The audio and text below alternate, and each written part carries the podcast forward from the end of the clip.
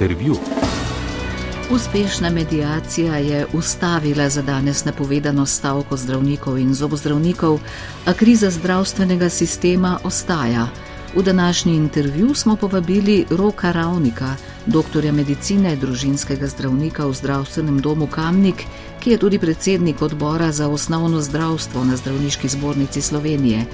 Kolegica Helena Lovenčič ga bo spraševala, kje on vidi rešitev za akutno krizo v družinski medicini, ko 130 tisoč zavarovancev nima svojega izbranega družinskega zdravnika.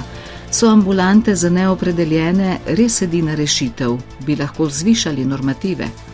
Zanima pa nas tudi, kaj meni o stavki, o plačah zdravnikov in o tem, kako mlade pritegniti v ta poklic. Dobar dan, gospod Rok Ravnikar. Lepo pesem ste si izbrali, taka sončna, široka prav na današnji dan, ko si je sonce, upemo, da tudi druge. Hvala, ker ste prišli in boste torej našim poslušalcem in poslušalkam pomagali razumeti, kaj te dni doživljamo v zdravstvu, predvsem v primarnem zdravstvu. Ne? Včeraj smo se v resnici vsi oddahnili, ko je bila medijacija med vlado in sindikatom Fides uspešna in je sindikat Fides današnjo stavko odpovedal. Seveda sporazum mora še potrditi vlada, da bo v resnici držalo. Menite, da je ta dosežen sporazum dober, bo zdržal in kaj sploh mislite, da bi, če bi bila stavka ta prinesla? Ja, vsebine tega sporazuma konkretno ne poznam, ampak vsekakor sem se jaz kot zdravnik, um, ki bom danes popovdan začel z ambulanto in tudi kot um, vsi ostali kolegi, verjetno smo si vendarle oddahnili. Po resnici povedam, stavkati v zdravstvu je, je težko, je ponavadi zadnja, zadnja izbira, zato je bilo tudi tolkrat že napovedana, pa ponavadi um, odpovedana. Um, tako da to nas veseli, smo se vdahnili v dobro nam in vsem uh, pacijentom.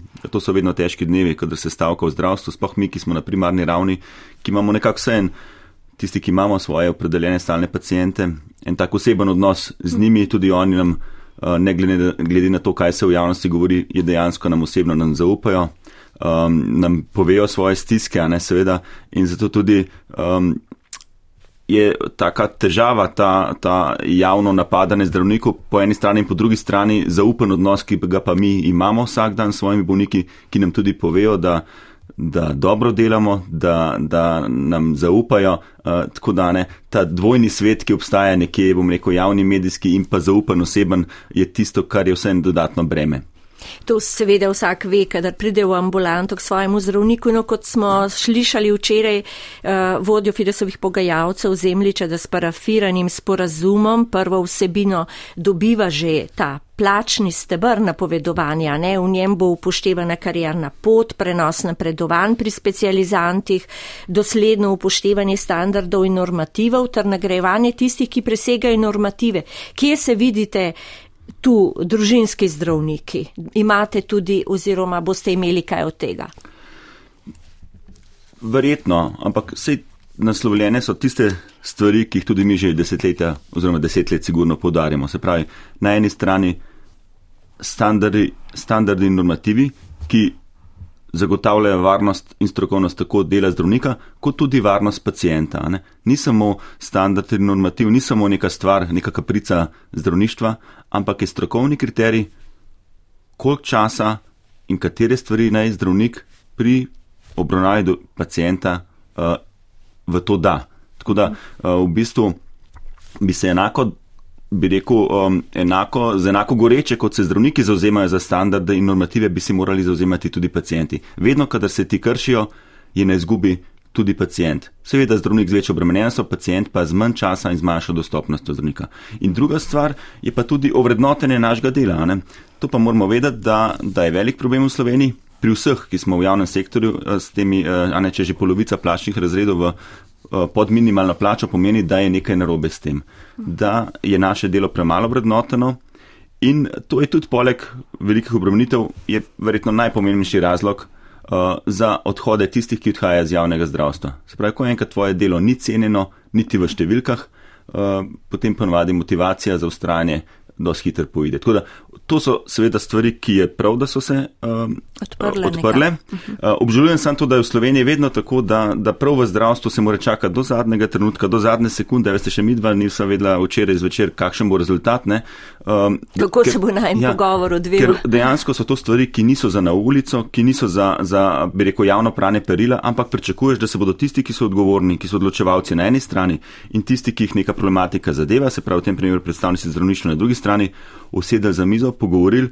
in tako kot je potekala ta medijacija včeraj, če je, ne, eh, se pravi, cel dan za zaprtimi vrati, eh, tako bi morali vsakeč potekati pogovori. Ne na zadnje, um, privoščim, ampak tako, a nekako lepo je izgledalo, ko je prišel predsednik vlade na srečanje sodnikov in, in rekel, gledajte, tole smo vam zagotovili, ker vemo, da ste pač uh, obremenjeni in, in imate preniske pač, uh, um, plačila.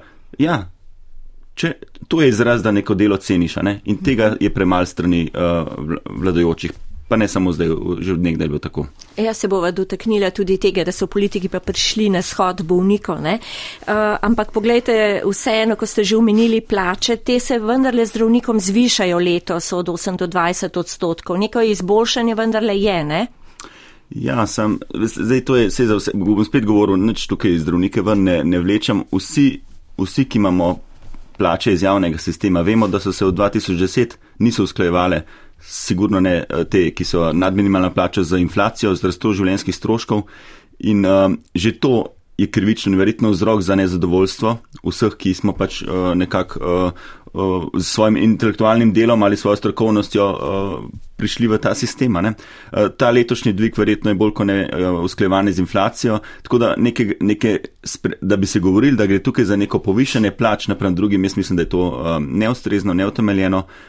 Konc konca, kljub samo kaj, kakšne sezname najvišjih plač v Sloveniji objavljajo, bi bilo prav tudi, da se pokaže naj, seznam najnižjih plač v zdravništvu, v zdravstvu, ne? in konc koncev uradno Naše plače so čist transparentne. Veste, veste v katerem plačnem razredu sem, točno se ve, kakšen je moj eh, bruto in neto dohodek, točno se ve, kakšna je moja nadura, kakšen je dodatek. Nobene tukaj ni skrivnosti in uh, mi je prav hecno, kako se stalno neke te ekscesne plače, ki so verjetno uh, tako ali drugače uh, skombinirane z vsemi možnimi dodatki uh, in kombinacijami dežurstva in tako naprej. Ampak dejstvo je, da je najvišja možna plača zdravnika, najvišjega specialista v Sloveniji, je 2400 evrov brut, uh, neto mesečno. In to je to. Nobene druge skrivnosti ni in o tem se pogovarjamo. In dejstvo je tudi, da je to pač v trenutno v Sloveniji nekje uh, dvakratna poprečna plača ali pa če hočete dva in nekaj minimalna plača. Se pravi, nobene bogatije ni v slovenskem javnem zdravstvu. Ste družinski zdravniki, recimo tisti, ki ste na nižjih lestvicah teh plačnih razredov, namreč, kadar se ravno rekli, ste objavljajo te visoki zneski 15 tisoč in tako naprej, v glavnem na klinikah, ne? Ja, ampak v osnovi, ja, veste, smo tudi, eh, smo v tem smislu, tudi družinski zdravniki smo v osnovnih plačah uh, precej izenačeni. Um, seveda so pa tukaj uh, možnosti oziroma um, možnosti za neke dodatne, dodatne prihodke so pa, pre, pa precej nižje. Ne? Pač mi moramo upravljati svoje dežurstvo in večinoma vsak, ki ima cel teden polno ambulanto, uh, bolj ko ne še drži tisto obveznih 8 do 12 ur na teden dodatnih, uh, potem pa mislim, da ima vsak predvsem rad sebe, pa svoj čas in svojo družino in tukaj nekega velikega um, naduševanja, razen pri mladih zdravnikih, pri tistih, ki so pač v, v nekih finančno za, zahtevnih obdobjih svojega življenja, ne, to pa je večinoma vsi pač, ki začnejo svojo pot, uh, te pa pač uh, ne iz veselja toliko do, do preživljanja nočnih ur v dežurstvih, ampak predvsem zato, ker je to edini način, da, da lahko zagotovijo en dober start svoji, svoji družini. Mhm. No, hvala Bogu smo rekli torej, da zdravniške stavke danes danes ni, ampak problemi ostajajo. To čutijo predvsem bolniki, ki so včeraj prvič v zgodovini pač šli na ulice, torej zgodil se je protest kot bolnikov, slišali smo njihove zahteve, takoj dostop do družinskega zdravnika, dvig normativa, so proti privatizaciji zdravstva, proti dvoživkam, kar je kar nespošljiv naziv, bi jaz rekla, za tiste, ki delajo v javnem in zasebnem zdravstvu. Hkrati, torej te zahteve se zdi, da so nekako v opreki z zahtevami zdravništva, kot sva ravno zdaj se dotaknile, recimo zahtevajo uh, dvig normativa. Ja, zdaj.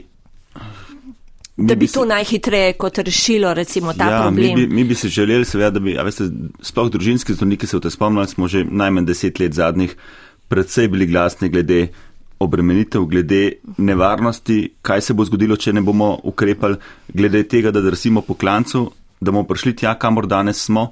In uh, predvsem obžalujem to, da smo takrat ostali sami in da, nas, in da je politika ponovadi izkoristila priložnost in nas čuvala ali javnost ali pacijente proti nam, če šlete kaj zahtevajo, namest da bi se zamislili pa rekli, res je nekaj treba ukrent.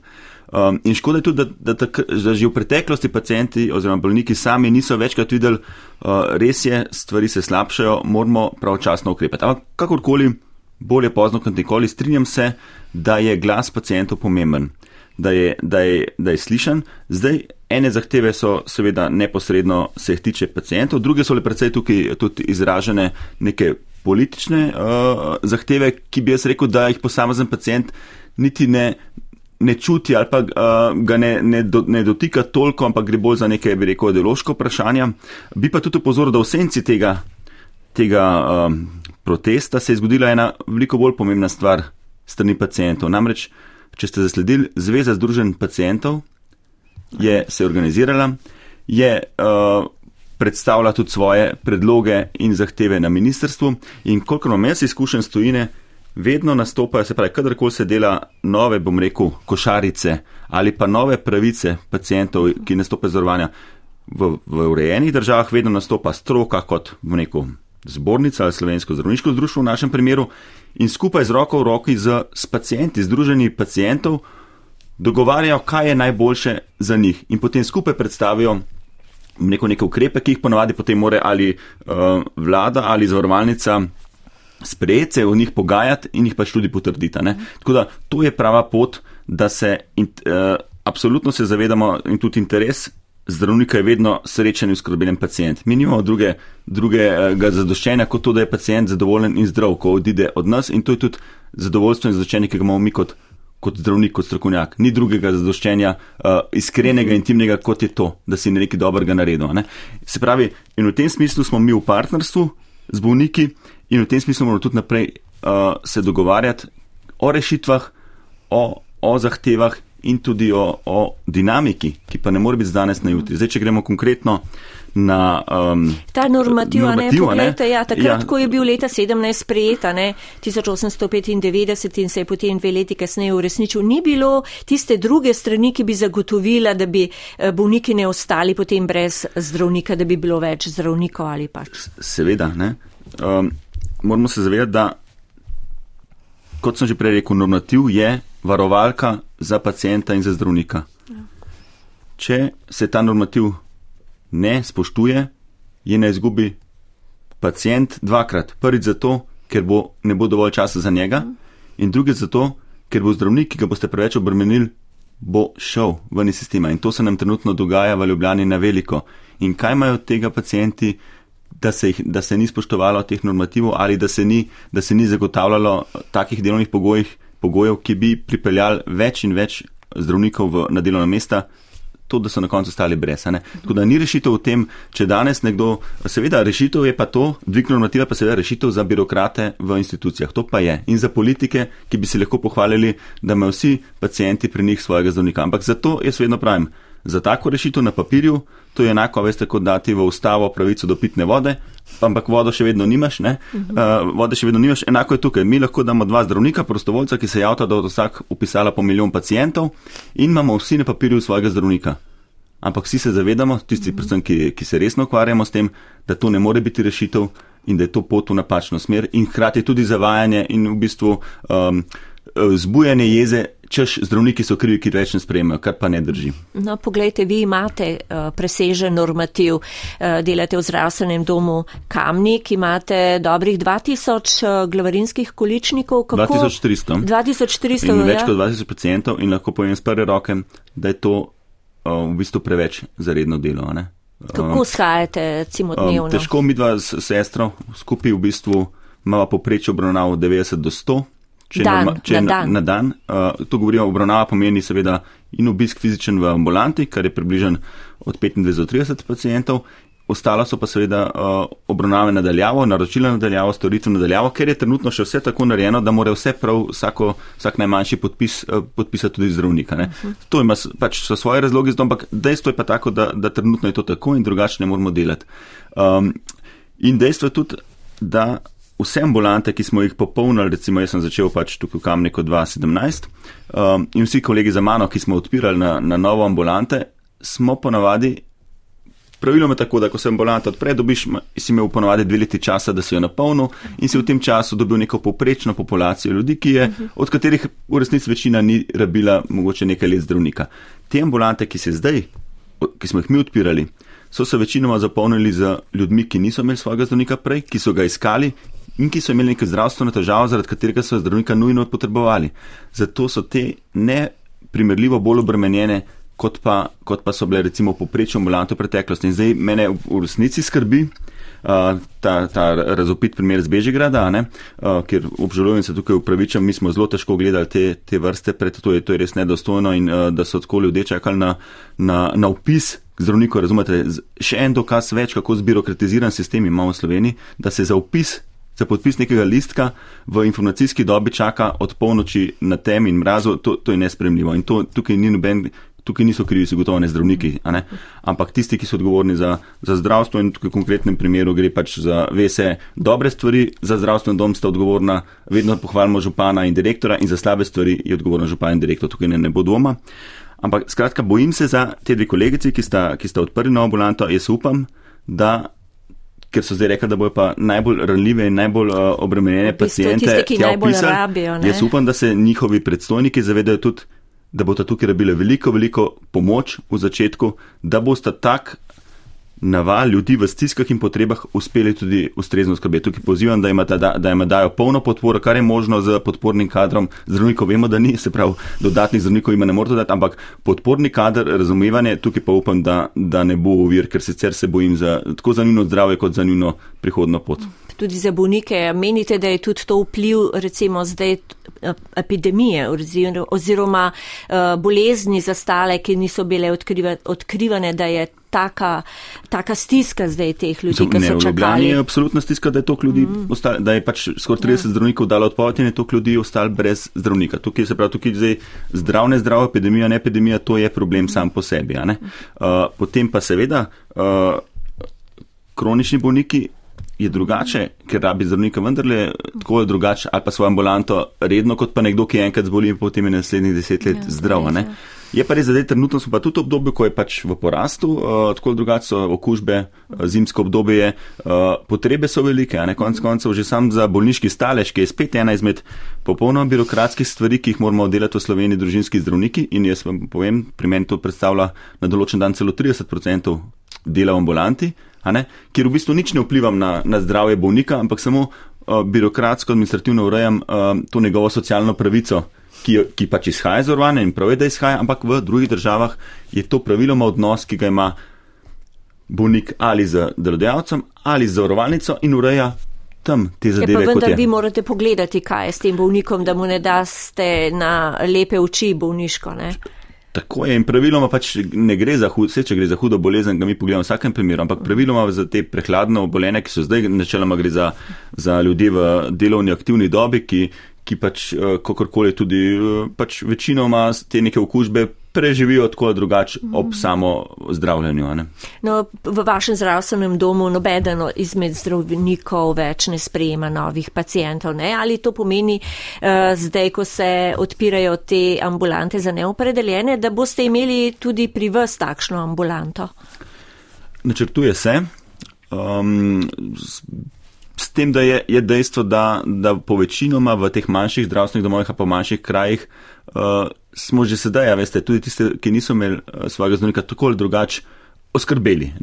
Uh, tako da tukaj zdaj, kar se tiče uh, nas, ne, ni, ne pričakujem, da neka ogromna množica ljudi čaka, je pa dejstvo, da bo vseeno nekaj kolegic. Um, In kolege, bo, bo v naslednjem letu bo šlo v pokoj, se pravi, to pomeni, da kadarkoli gre zdravnik v pokoj in ti nimaš nadomestnega zdravnika, pač nastane na novo zelo veliko število neopredeljenih um, oziroma ljudi brez zdravnika. Tako je 2000, recimo. Recimo 1500, 2000 ja. in je prav, da se za njih najde neka rešitev.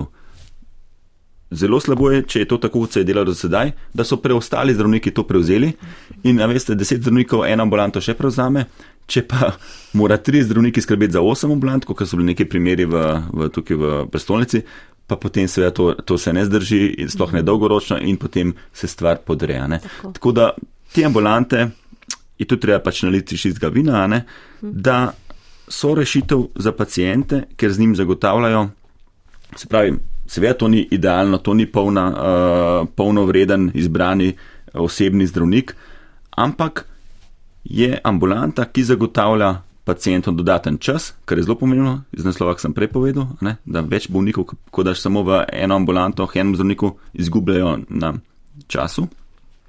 In hkrati bodo prišli tudi do teh pravic, ki so eh, v Sloveniji res vezane na osebnega zdravnika, čeprav se mi zdi, da to ne bi bilo potrebno. Recimo, če govorimo o osebnem izbranem zdravniku, je njegova vrednost v tem, da človeka pozna, da z njim vzpostavi nek dolgoročen odnos. Mogoče tudi družino. Družino tudi, če je v, v idealnih eh, razmerah, razmerah ne? Ne? ker je zelo pomembno, um, veliko bolj učinkovito in veliko bolj poglobljeno se lahko v tem smislu vodi nekoga skozi življenje, skozi stiske in težave. Mm -hmm. V Sloveniji pa so na ta institut izbranega zdravnika vezane tudi socialne pravice, ker pa v bistvu ne, to, da samo izbrani osebni zdravnik lahko da bolniško nekomu, to se meni zdi pač uh, nespremljivo in tukaj bi mogli že zdavni te, ki so odgovorni za, za te birokratske stvari v Sloveniji, uh, narediti tako, da pač imeti izbranega osebnega zdravnika ni predpogoj, da priješ do svojega bolniškega staleža. Ne? Se vendarle mhm. plačuješ uh, to zavarovanje uh, in tako da to, to da se, ne, in, in s, tem, s temi izgovori seveda se nas zdaj sili zdravnike, češ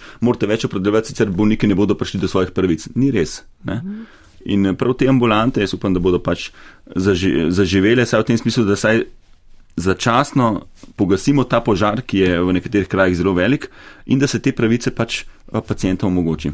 So pa oziroma bodo zelo dobro plačane te ure, ne? skoraj trikrat več ali pa kar trikrat več, kot je recimo danes vredna urna postavka.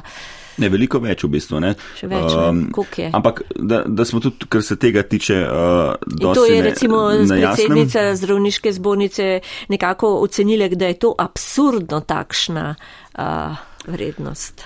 Um, zdaj mal, seveda sem, uh, smo tudi mi sami zdravniki presenečeni, ko so se te cifre pojavljale, kajti nismo sploh družinski zdravniki, nismo navajeni na, na take plačila uh, in sploh pa naše sestre v naših ambulantah, ki je tudi, tudi prav, da se jim povejo, ne, ki Tako. delajo dnevno po 6 evrov na, na uro, uh, je jasno, da, da, da niso pričakovali takih um, tarif. Ampak kakorkoli moramo pogledati, da kaj se želi doseči.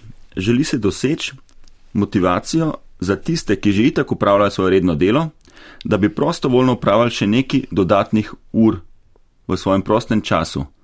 In verjente mi, da zdravnika za 14 evrov neto, in to ne v najnižjem plačnem razredu, in sestro 6 evrov, 6 evrov neto na uro, ne boste pač dobili, da bi popovdan še potegnil, ker bo rajš delo stvari doma, ki jih mogo sicer, bom rekel, če ne druga, nekdo drugmu, nekomu drugmu plača, da bi naredil. In vemo, da, da postavke za, za neka domača opravila so pa bistveno višja kot pa te.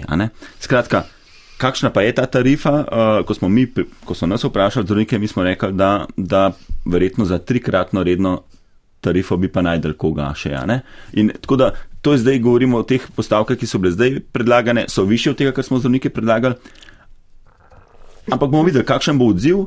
In a veste, na koncu bi rekli, če bojo ljudje oskrbljeni, če bojo pacijenti brez zdravnika prišli do oskrbe in bodo zadovoljni, koliko je vredno v Sloveniji, ker deset let nismo našli dodatnih zdravnikov, da bomo končno te pacijente oskrbili. Jaz mislim, da je to neprecenljivo in če se nismo sekirali, ko so nekje 100 milijonov veste metali za, za, za druge projekte, se mi zdi, da, da je tukaj malo tako dvolično, da se zgražamo nad, nad nekim plačilom, ki bodo ga ljudje upravili, ki bo prostovoljno in za katerega bodo pacijenti nekaj dobili. Um, ta, to moramo tudi povdariti. Se pravi, to ne bo, to ne bo nekaj, um, kakorkoli že bo, če bo tukaj zadovoljstvo pacijentov večje, je, je cilj dosežen. Ampak, da ga gledamo pa še dolgoročno, ker jaz se tudi sam strinjam, da je to gasilski ukrep. Kaj želimo doseči in kaj je končni cilj že deset, deset let uh, vseh zdravnikov? Da se zagotovijo take delovni pogoji, da bodo imeli zdravniki dovolj časa za svoje strokovno delo, da ne bodo vse čas gnani v nekih turbo načinih, v nekih hitenih, tekočih trakovih in da bodo s tem tudi pacijenti zadovoljni. Mi hočemo s tem ukrepom zagotoviti premostiti obdobje, ko se nam podira, a veste, če nam beži iz javnih zdravstvenih zavodov po, po nekaj zdravnikov na mesec, pomeni, da se nam stvar podira.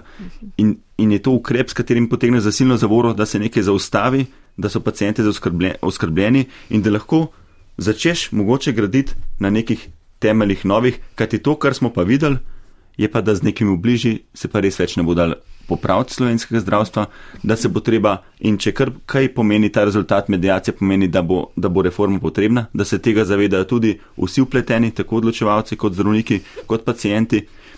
In reforma pa ne moreš narediti danes na jutri, ampak za njo potreben čas. In te ukrepe, o katerih se zdaj pogovarjamo, so samo prehodni, zato da se ta čas lahko preživi normalno. Da nam ne pobegnejo prav vsi zdravniki in da nam pač pacijenti ne, ne doživijo preveč škode. No, ampak eh, drugi ukrepi še, recimo zdaj ta eh, ustanovitev teh ambulant za neopredeljene je torej dokaj hiter možen ukrep, če seveda bo interes na drugi strani. Kaj pa recimo specializanti?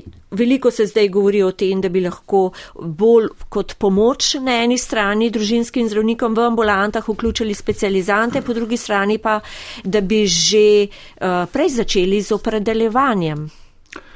Mi smo bili kot stroka do tega precej skeptični. Namreč izobraževanje zdravnika že tako ali tako poteka precej dolgo. Ja. V Sloveniji skoraj deset let. Ja, to je samo slovenski fenomen. Nekaj let sigurno, ne? se pravi, pač pri nas so specializacije so različno dolge, študije nekje šest let in skoraj posod, ampak kakorkoli v tem, da bi, mi smo predlagali naj se rajši pogleda, kaj je tisto delo, ki ga trenutno mora upravljati zdravnik, specialist družinske medicine v svojem ambulanti, ki nič ne pripomore k zdravju pacijenta, ki celo škoduje v smislu, da odžira čas in naj se ga ali ukine, ali se ga da v zaledne programe digitalizacije, ali se ga predstavi na, na institucije, ki, so, ki jih potrebujo, govorimo o raznih statističnih podatkih, ali pa se mu da ustrezne kompetence in odgovornost pomožnemu kadru, tukaj govorimo predvsem o diplomirani medicinski sestri, srednji medicinski sestri, administratorju, ki lahko popolnoma ustrezno in z svojo odgovornostjo oskrbijo določene storitve. Če bomo pa mi zdaj specializante ali pa celo mlade zdravnike filali v zdravstveno domovo, zato da bodo opravljali ta nepotrebna dela, potem smo izgubili še nekaj mesecev za njih in hkrati odgovornost in pa um, motiv odločevalcem, da bi kaj spremenili in bomo dozeli. A veste, ker bodo, zdaj bodo recimo uh, nekaj sto specializantov bodo poslali, bi, bi poslali, mi jaz upam, da, da pač tega ne bodo, ker je to res uh, ukrep v, v slepo uh, smer. Bi poslali zdravstvene domove, na papirju bi rekli, super, smo uredili številke, uh, uh, štimajo, um, ampak nič pa ne bi naredili v naslednjem letu, bi se samo predstavili katastrofa bi se pač nadaljevala pa čez pol leta. Ampak recimo, če bi študenti, če, uh, oziroma ne študenti, specializanti četrtega letnika že opredeljevali, da nimo z nekimi manjšimi uh, glavarinskimi količniki. Ja, Mislite, da je to vse en prezgodaj? Spe, to je spet statistika, veste. Statistika je bila super, ne? Ampak se 50, delali, 50 ne? specializantov, se že zdaj delajo. Se zdaj niso nekje v zraku, ampak samo, to bi bilo samo figulist za odločevalce, da bi rekli, super, smo rešili smo rešili ja, tukaj in tukaj pacijentov. Hkrati moramo povedati, da so specializanti vendarle ni zdravnik s polno odgovornostjo. Ja. V Sloveniji pa zdravnik kazansko odgovarja za napake v zdravstvu. In ni prav, da se specializantom nalaga odgovornost, ki je potrebna za zdravnika specialista. Specializant rabi mentorja, um, rabi, vsaj v družinski medicini, so potrebna kroženja po, po kliničnih oddelkih. Um, Mislim, da se te predloge predlagajo tisti, ki premalo poznajo tako delo kot odgovornost zdravnika. Tudi mi, da med nama ne bi želeli za naše bližnje, pa za se, da bi nas nekdo, ki še ni polno odgovoren, verjetno zdravil. Ne? Potem konc koncev imamo lahko res uh, nek, nek divji zahod na tem področju. Tako da prava pot je razbremenitev no. No, zdravnikov in seveda to. tudi specializacija. Mi to mhm. vemo. Um, Seveda, uh, že zdaj je možno, da tri mesece uh, sekundarji kroži na primarni ravni ampak morate se pa zavedati, ideja je pa v tem, da bi spoznali delo na primarni ravni. In da bi jih to privlačiti začelo.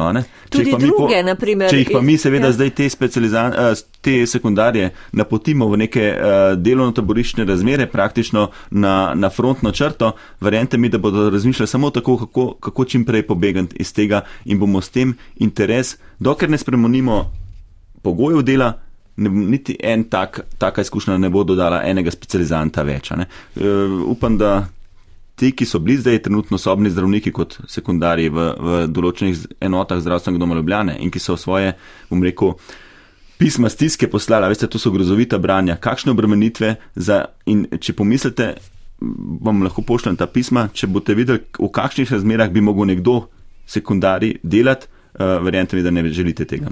Torej bomo to prečrtali.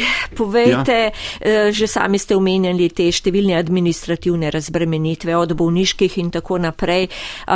Zavod za zdravstveno zavarovanje naštiva več kot 20, ki jih je že storil ali se pa pravzaprav to vse skupaj nič ne pozna, torej prenesli na druge ali kadre ali institucije. Ja, tol, tolikih je, da se pozna zelo malo. Ne? Mi imamo ja. radikalne predloge v smislu, kar ni nujno potrebno ali pa v dobrobit bolniku in za kar se ne potrebuje specializacija in diploma medicinske fakultete, ni potrebno, da dela zdravnik specialist, če jih je tako malo v Sloveniji. Ne?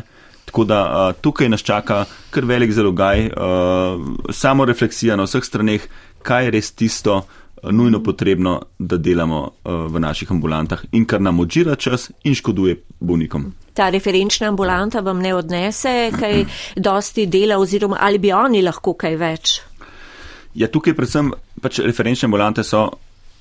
V, v bistvu paradoksno bolnike, tudi precej, precej dela prinesle, kajti delajo zelo dobro na preventivnem področju. Pomeni, da odkrivajo ogromno bolnikov, ki sicer ne bi bili odkriti z določenimi boleznimi ali tvegani.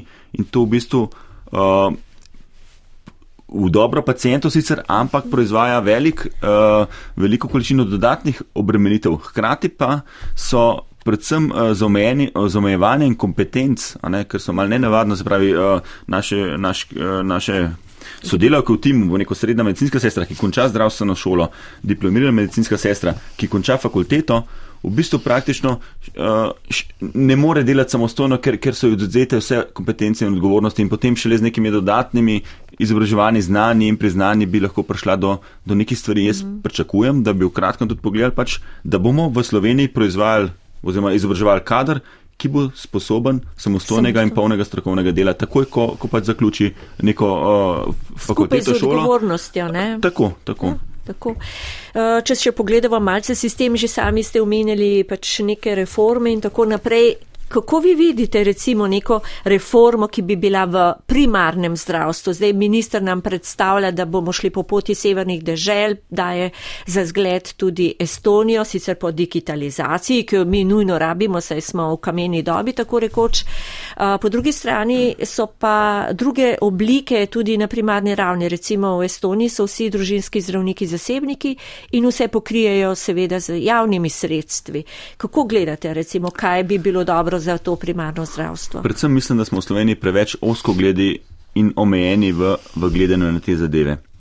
Um, sploh na primarni ravni, ker pa dejansko veste, ni nekega velikega biznisa z, z dobavitelji, z, z posegi in tako naprej, bi lahko precej, precej sprostili, uh, kar se tiče oblike dela zdravnika.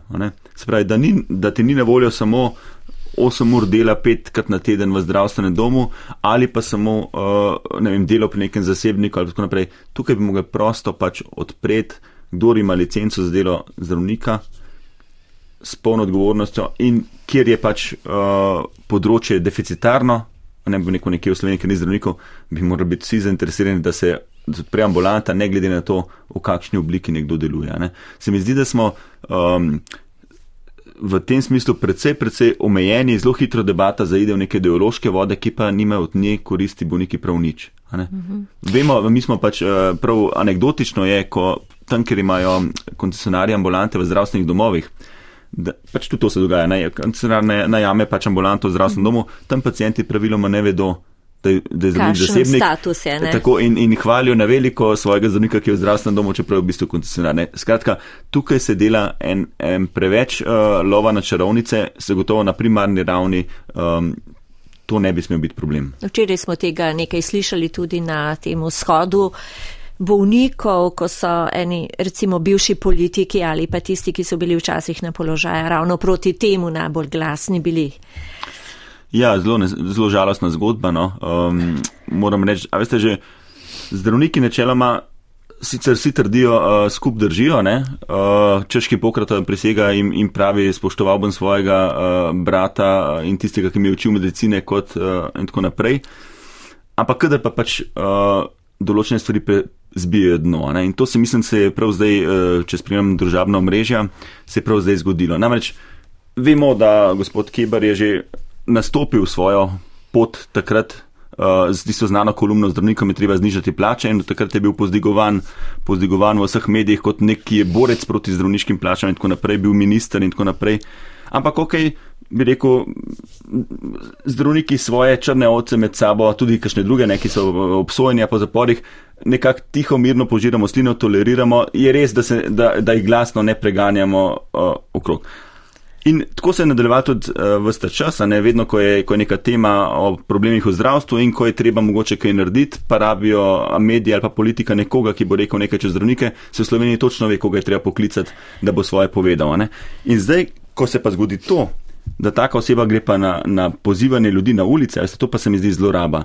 Um, eno je, če imaš ti svoje mnenje v kolumni, eno je, če imaš ti svoje mnenje kot politični komentator ali aktivist, drugo pa je, če zlorabaš nek, neko stisko pacijentov, ki je v, v Sloveniji uh, zagotovo prisotna in z njo uh, poskušaš se iti lov na čarovnice ali pa lov na razrednega sovražnika, hkrati si pa to oseba, za katero se je prav zdaj izkazala s pričevanji, da, si, da je bila praktično prva dvoživka v Sloveniji, ne, z, z, z pozicije neko, funkcije v javnem zdravstvenem ustanovi, fura v zasebni biznis, vikend. Um, To pa je neka dvoličnost, ki, ki jaz mislim, da ne glede na vso uh, toleranco, ki jo zdravniki imamo, da je prav, da se je rekel, dost imamo, da se je rekel Bobu Bob in se to postavi na pravo mesto in se najprej tisti zmenijo med sabo, ki, ki te uh, ideološke boje furajo, s kakšnimi ljudmi imajo pravka. Uh, veste, tole bi vas še rada vprašala. Zdaj pričakujemo kmalo, da bomo slišali uh, strategijo ministerstva o uh, urgentnih centrih, o službi nujne medicinske pomoči, reorganizaciji in kamnik. Ne, ta vaš zdravstveni dom je bil tudi, se je že oglašal, vaš župan in tako naprej, da pa te dežurne službe ne damo. Kakšne vaše stališče o tem? Ja, um, zelo uh, zapleteno se reče. Delate vi v tej službi? Jaz sem seveda, uh, prav danes gremo nočno službo, no, upam, da, da to ne bo uh, pomenil po, po, po popodanski ambulant, tako da sigurno, jaz seveda tudi jaz delam v, v dežurni službi, ki je hkrati v kamniku tudi služba nujne medicinske pomoči. In to je že en izmed vzrokov, zakaj je uh, ta stvar v Sloveniji tako uh, pereča in tudi različno razumljena. Namreč služba med, nujne medicinske pomoči pomeni 24 ur 7 reševanje neposredno ogroženega življenja na terenu, kjerkoli v Sloveniji. Dežurna služba pa pomeni zdravnik, ki je na voljo 24 ur 7 za kakršne koli težave. In v manjših zdravstvenih domovih je to praviloma pač ena in ista oseba, ena in ista enota. In jaz se strinjam, uh, tam, kjer so ljudje navajeni, da je pač zdravnik pri njih prisoten, bi bila to izguba, če bi ga omaknili. Bolje, še bolje bi bilo, če bi tam tudi pediatr prisoten celo noč. Še bolje bi bilo, če bi tudi zobozdravnik prisoten. Ali to zmoremo? To pa je vprašanje za načrtovalce in politike. Pravi, ena stvar je mreža NMP, ki jo mora zagotavljati država in jo pokriti tako, da je na strokovno visokem nivoju. Druga stvar je pa tudi, da v bistvu lokalne skupnosti niso omejene v svojem nadstandardu. Ni prav, da, da terjajo države, da jim zagotovi zdravnika, pediatra, vse 24 ur 7. Uh, jaz tukaj mal uh, se rad pohecam, vse imajo na voljo lokalne skupnosti, da, da organizirajo dežurno službo v kakršni koli obliki nadstandardni želijo.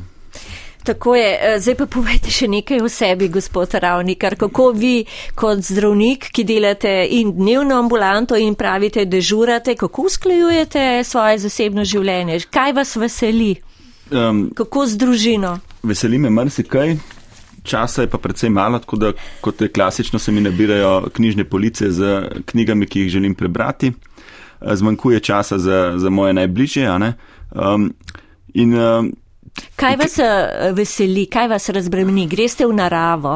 Ja, kamnik je, kamnik je dober, kar se tega to tiče. Je lepo izhodišče. Greste na kamniško uh, sedlo? Kamniško sedlo manjkrat, ker to je vse nek uh, ki terja nekaj ur, ampak malo pa zraven pač sveti primoš, ki je znana izhodišče, pa, pa še kaj manjših. Ampak v tem smislu za neko tako naporno delo, kot je um, v smislu intelektualno, stresno, naporno delo, kot je, kot je zdravstvo, je zagotovo fizična razbremenitev um, ena, ena, ena sprostitev, ki je, ki je potrebna. Ne. Jaz si tudi sam želim, veste, da ne bi. Uh, dal sem že svoje življenje čez, kar se tiče javne izpostavljenosti, pa neke eh, borbe in tako naprej. In ni moja želja, da bi poleg službe še toliko, toliko ur, kot jih zdaj moram namenjati nekemu boju za družbene uh, aktivnosti namenil, ker vem, da je to v bistvu vedno trpi, trpiš ti sam in trpijo tvoje najbližje. To je moja izkušnja. In, uh, ampak po drugi strani, ko pa vidimo, v kakšnih razmerah mi delamo. Uh, Mi pa ne da pač moja vest miru, da se ne oglašam takrat, da ne naredim tisto, kar, kar znam, kar zmorem, da bi vendarle neke stvari spremljal nam bolje. Ja. Jaz bom takrat srečen, ko mi ne bo treba nič se oglašati, nič komentirati po državnih omrežjih, nikamor iti, ampak samo zadovoljivo opraviti svoje delo in zadovoljeni domov na svoje hobije, svoj prosti čas, svojo družino in pacijenti zadovoljni domov, ker bodo dobili tisto, kar želijo. Eh, zelo lepo eh, poslušajte, vaši otroci bodo šli po vaših stopinjah, jih boste spodbujali ali ne? ja, če jih bo zanimala medicina, če jih bo zanimalo um, človeško telo, naravoslovje, jaz mislim, da je medicina en najlepših poklicev, ki ti lahko to vse nudi, če si pa zraven še dovolj firpčen, da se rad pogovarja z ljudmi, uh, da rad pomagaš ljudem v stiski, pa o tem je pa družinska medicina tudi en najlepših izbir v medicini. Malce več promocije potrebuje ta poklic. Seveda, v dobrih razmerah je to ena najlepših poklicov.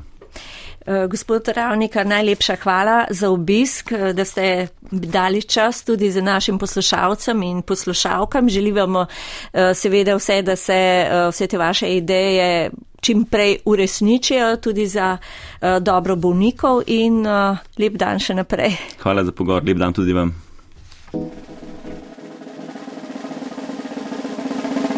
Intervju. Intervju.